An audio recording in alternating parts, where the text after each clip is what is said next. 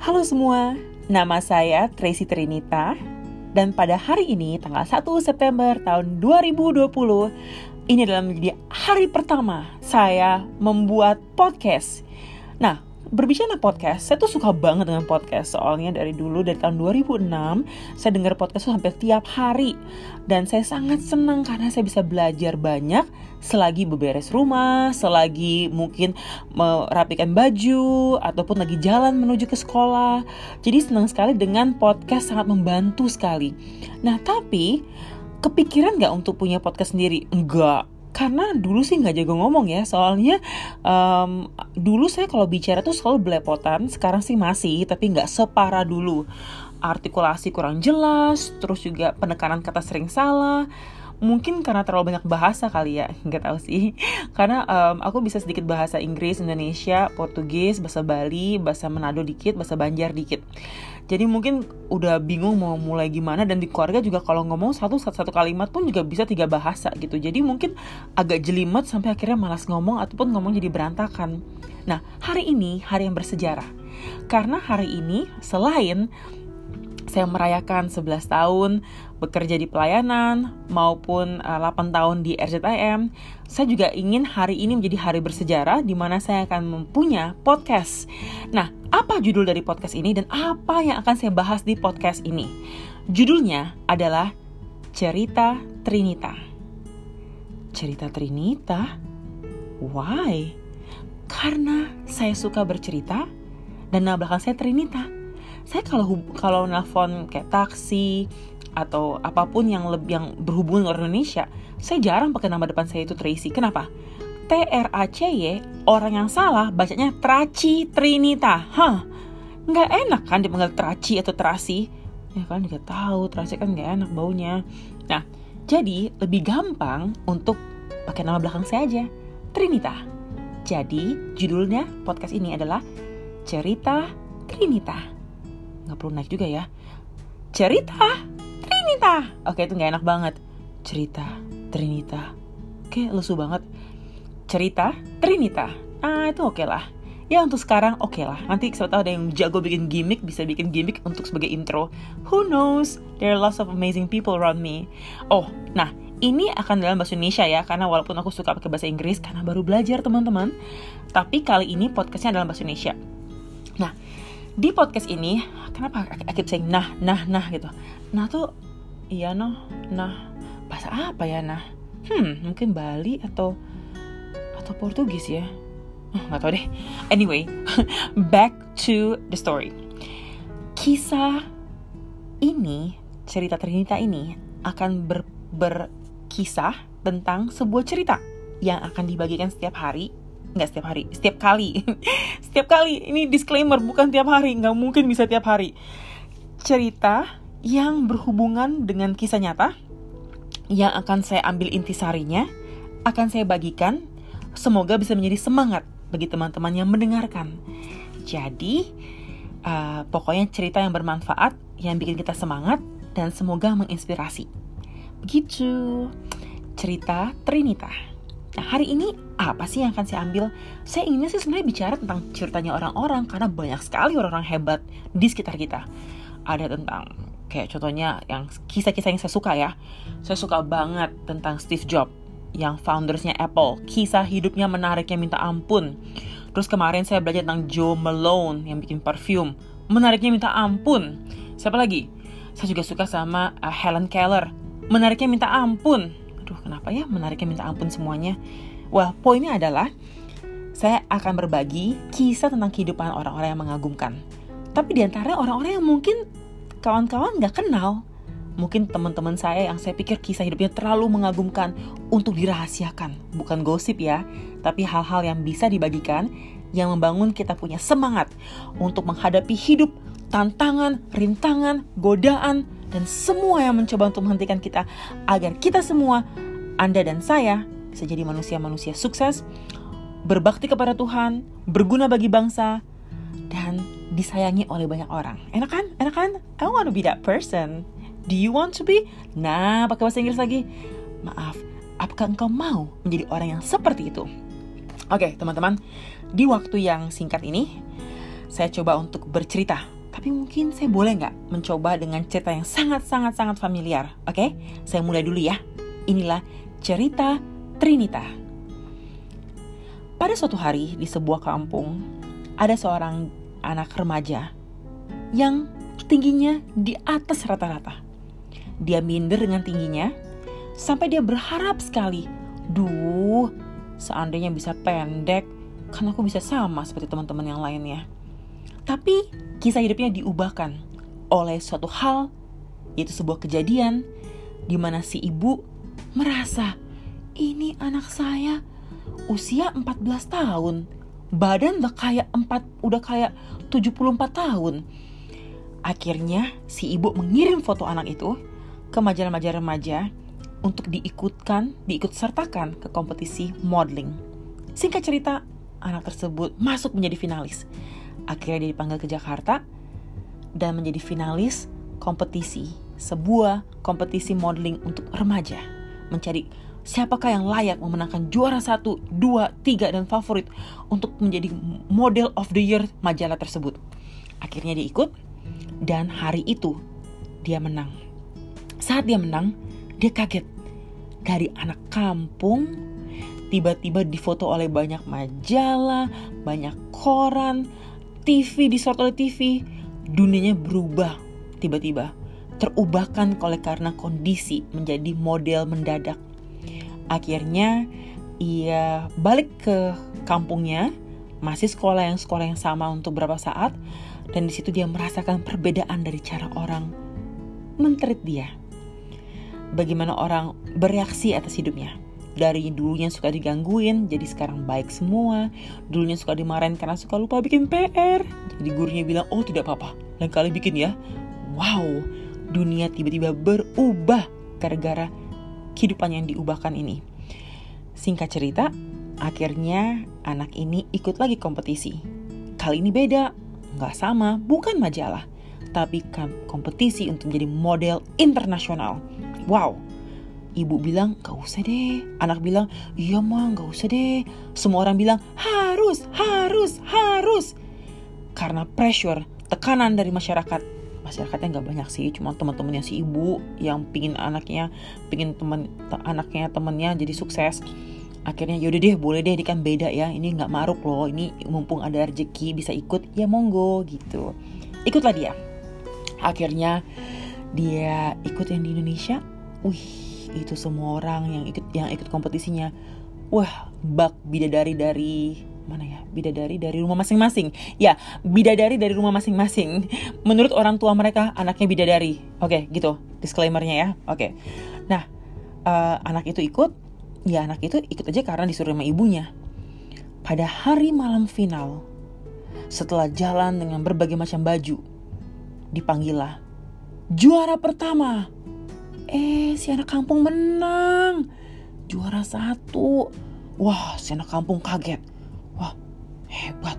Ini kok bisa ya? Wah, aduh syukur deh, syukur deh.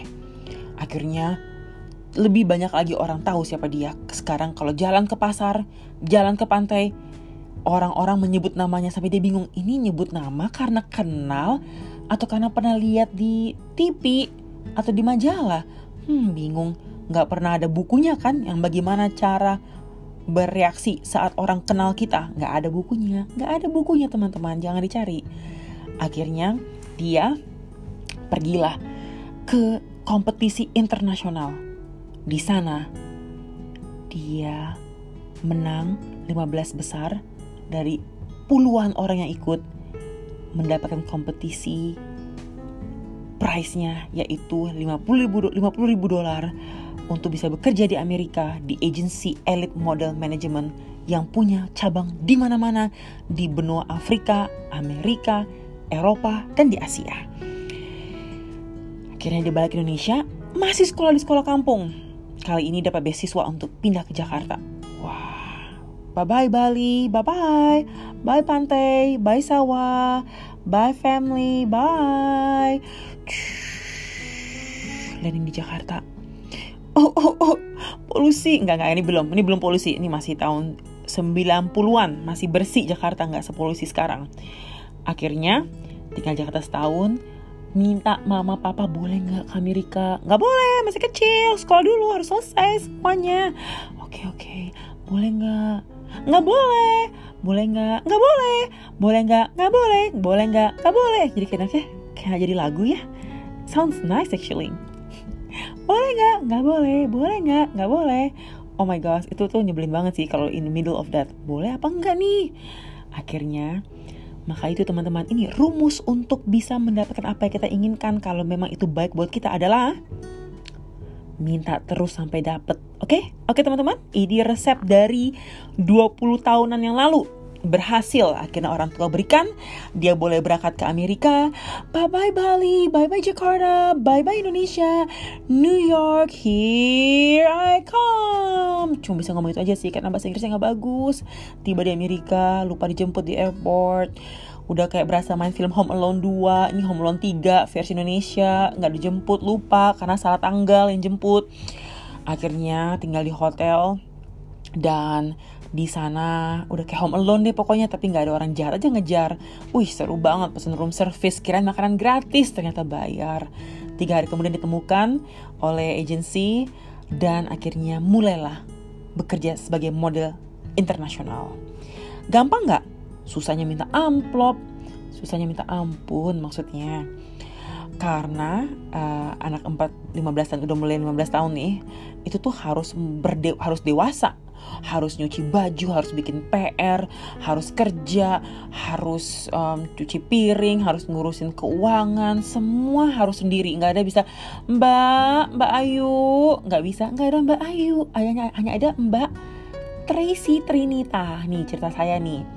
Nggak ada mbak siapa, nggak ada mama, nggak ada siapa-siapa. Harus melakukannya semua sendiri. Akhirnya setelah bertahun-tahun, bisa lah dibilang cukuplah akhirnya mulai berhasil dan semenjak itu um, menikmati pekerjaan modeling tapi ada masa di mana masa transisi spiritual di mana mengalami kekosongan jiwa sampai mencari apa yang bisa mengisi kebahagiaan hati dan nurani ini. Wih, drama banget sih. Kalah-kalah sinetron. Nggak, nggak, nggak, nggak, nggak, nggak sinetron banget sih. Cuman mencari kebahagiaan. Kata orang di harta, punya harta tapi nggak bahagia. Kata orang di tahta, hmm, lumayan dikenal sebagai model Indonesia, Indonesia pertama yang jalan di Paris, New York, Milan Fashion Week. Nggak bahagia juga. Apa? Pasangan. Oh itu punya pacar, dia cukup baik orangnya. Hmm, juga nggak bahagia. Keluarga? Baik-baik aja? Nggak bahagia juga. Apa yang bisa membuat saya bahagia? Ternyata filsafat yang saya miliki itu salah. Itu punya harta, tahta, pasangan, keluarga baik-baik, semua itu uh, bisa membuat bahagia. Ternyata tidak. Maka itu banyak sekali kalau kita lihat orang-orang terkenal kayak orang-orang contohnya artis, penyanyi lah, bintang film lah dan sebagainya. Mereka sering sekali punya banyak hal tapi mereka nggak bahagia kan. Ternyata kebahagiaan itu bukan berasal dari apa yang kita miliki, siapa kita, tapi kepada siapa tujuan kita hidup ini. Mengenal Tuhan membawa kebahagiaan yang tidak bisa dibeli oleh apa pun dan tidak bisa diambil oleh siapa pun. Itulah kebahagiaan yang saya temukan dalam di penghujung modeling karir saya. Nah setelah itu saya balik, balik sebagai model, sebagai orang uh, yang beragama Kristen uh, baik sebagai modeling akhirnya saya ingin mulai untuk masuk dunia lain yaitu bukan dunia hantu dunia lain. Kayak serem banget ya kak dunia lain. Karir lain maksudnya bukan dunia lain. Dunia cuma ada satu dunia dunia orang hidup. Nanti kalau udah pergi ya udah itu dunia lain. Nah karir ini akhirnya mulai saya masuki yaitu dunia entertainment. Mencoba karena penasaran karir menulis karena juga penasaran, banyak dimulai dari penasaran dan ingin mencoba banyak hal dalam hidup. Ini dipercepat ya karena durasi.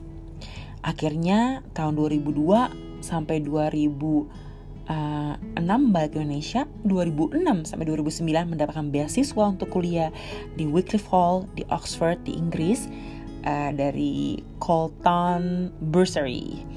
Tiga tahun kuliah Akhirnya pas udah menjelang lulus, dapat konfirmasi bahwa untuk hidup ini saya mau menjadi full time di kata di istilahnya melayani di gereja dan di yayasan. Nah, tahun ini, hari ini, ulang tahun ke-11 dari tahun 2009 tanggal 1 September tersebut. Jadi hari ini adalah perayaan. Hooray, selamat ya Tracy, selamat ya. Oh thank you, thank you, thank you. Enggak.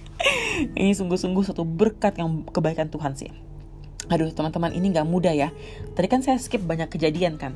Ada sampai sakit di opname, sampai sakitnya udah empat kali, dioperasi dua kali. Terus banyak uh, heartbroken, putus cinta, banyak uh, broken friendship ada orang lagi marah sama saya nggak tahu kenapa ada juga uh, ya banyak hal yang membentuk hidup tapi pelajaran yang yang saya dapatkan dari semua ini adalah ada tangan Tuhan yang menuntun hidup kita ke tempat di mana kitanya harus berada kita nggak boleh menolak kita menjalankannya dengan sebaik-baiknya karena promosi dari Tuhan dan harusnya dikembalikan kepada dia yaitu kemuliaan hanya untuk Tuhan yang kita sembah. Ada banyak kisah hidup di perjalanan hidup yang membentuk kita. Susah senang kita tuh membentuk karakter kita. Dan juga jangan khawatir akan hal-hal yang membawa kesedihan karena kita belajar banyak di saat kita lagi susah atau sedih lebih-lebih daripada saat kita lagi senang. Jadi jangan takut kesusahan, jangan takut kesedihan. Cuma jangan kelamaan juga di sana. Kita belajar apa kita harus lakukan dan hati kita harus tetap riang gembira, berharap penuh kepada Sang Pemberi hidup untuk mengubah uh, jalan hidup kita agar kita bisa uh, menjadi orang-orang yang berguna gitu jadi jangan sampai kita masuk dalam kumbangan kesedihan kumbangan kesedihan serem banget ya pokoknya intinya adalah saya bersyukur atas hidup ini saya bersyukur saya punya teman-teman yang bisa membantu saya melewati proses hidup. Dan di sekolah kehidupan ini banyak sekali pelajaran yang kita bisa petik. Um, salah satu pelajaran saya petik adalah begini. Kadang-kadang ada momen dalam hidup kita yang terjadi, yang kita harus lakukan dan kita harus ambil. Takut bisa, ragu bisa. Tapi kalau momen tersebut tidak kita ambil, lewat.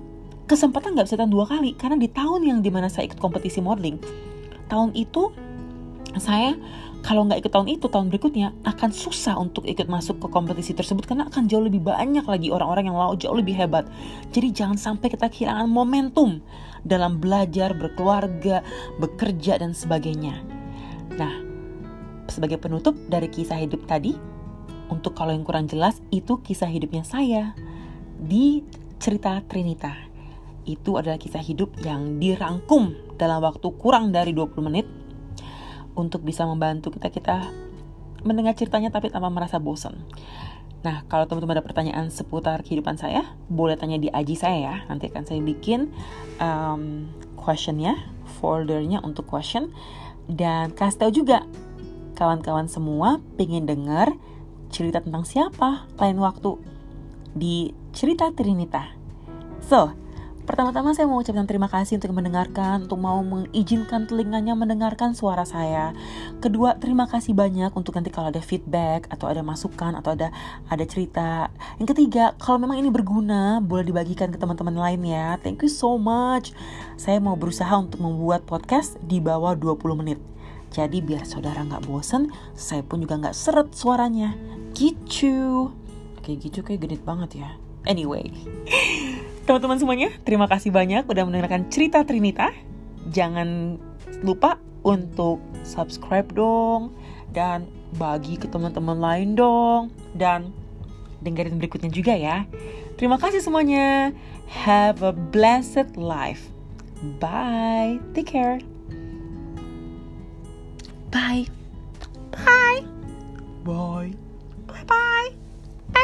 Bye bye bye. Oke okay, oke okay, oke. Okay. I need to stop.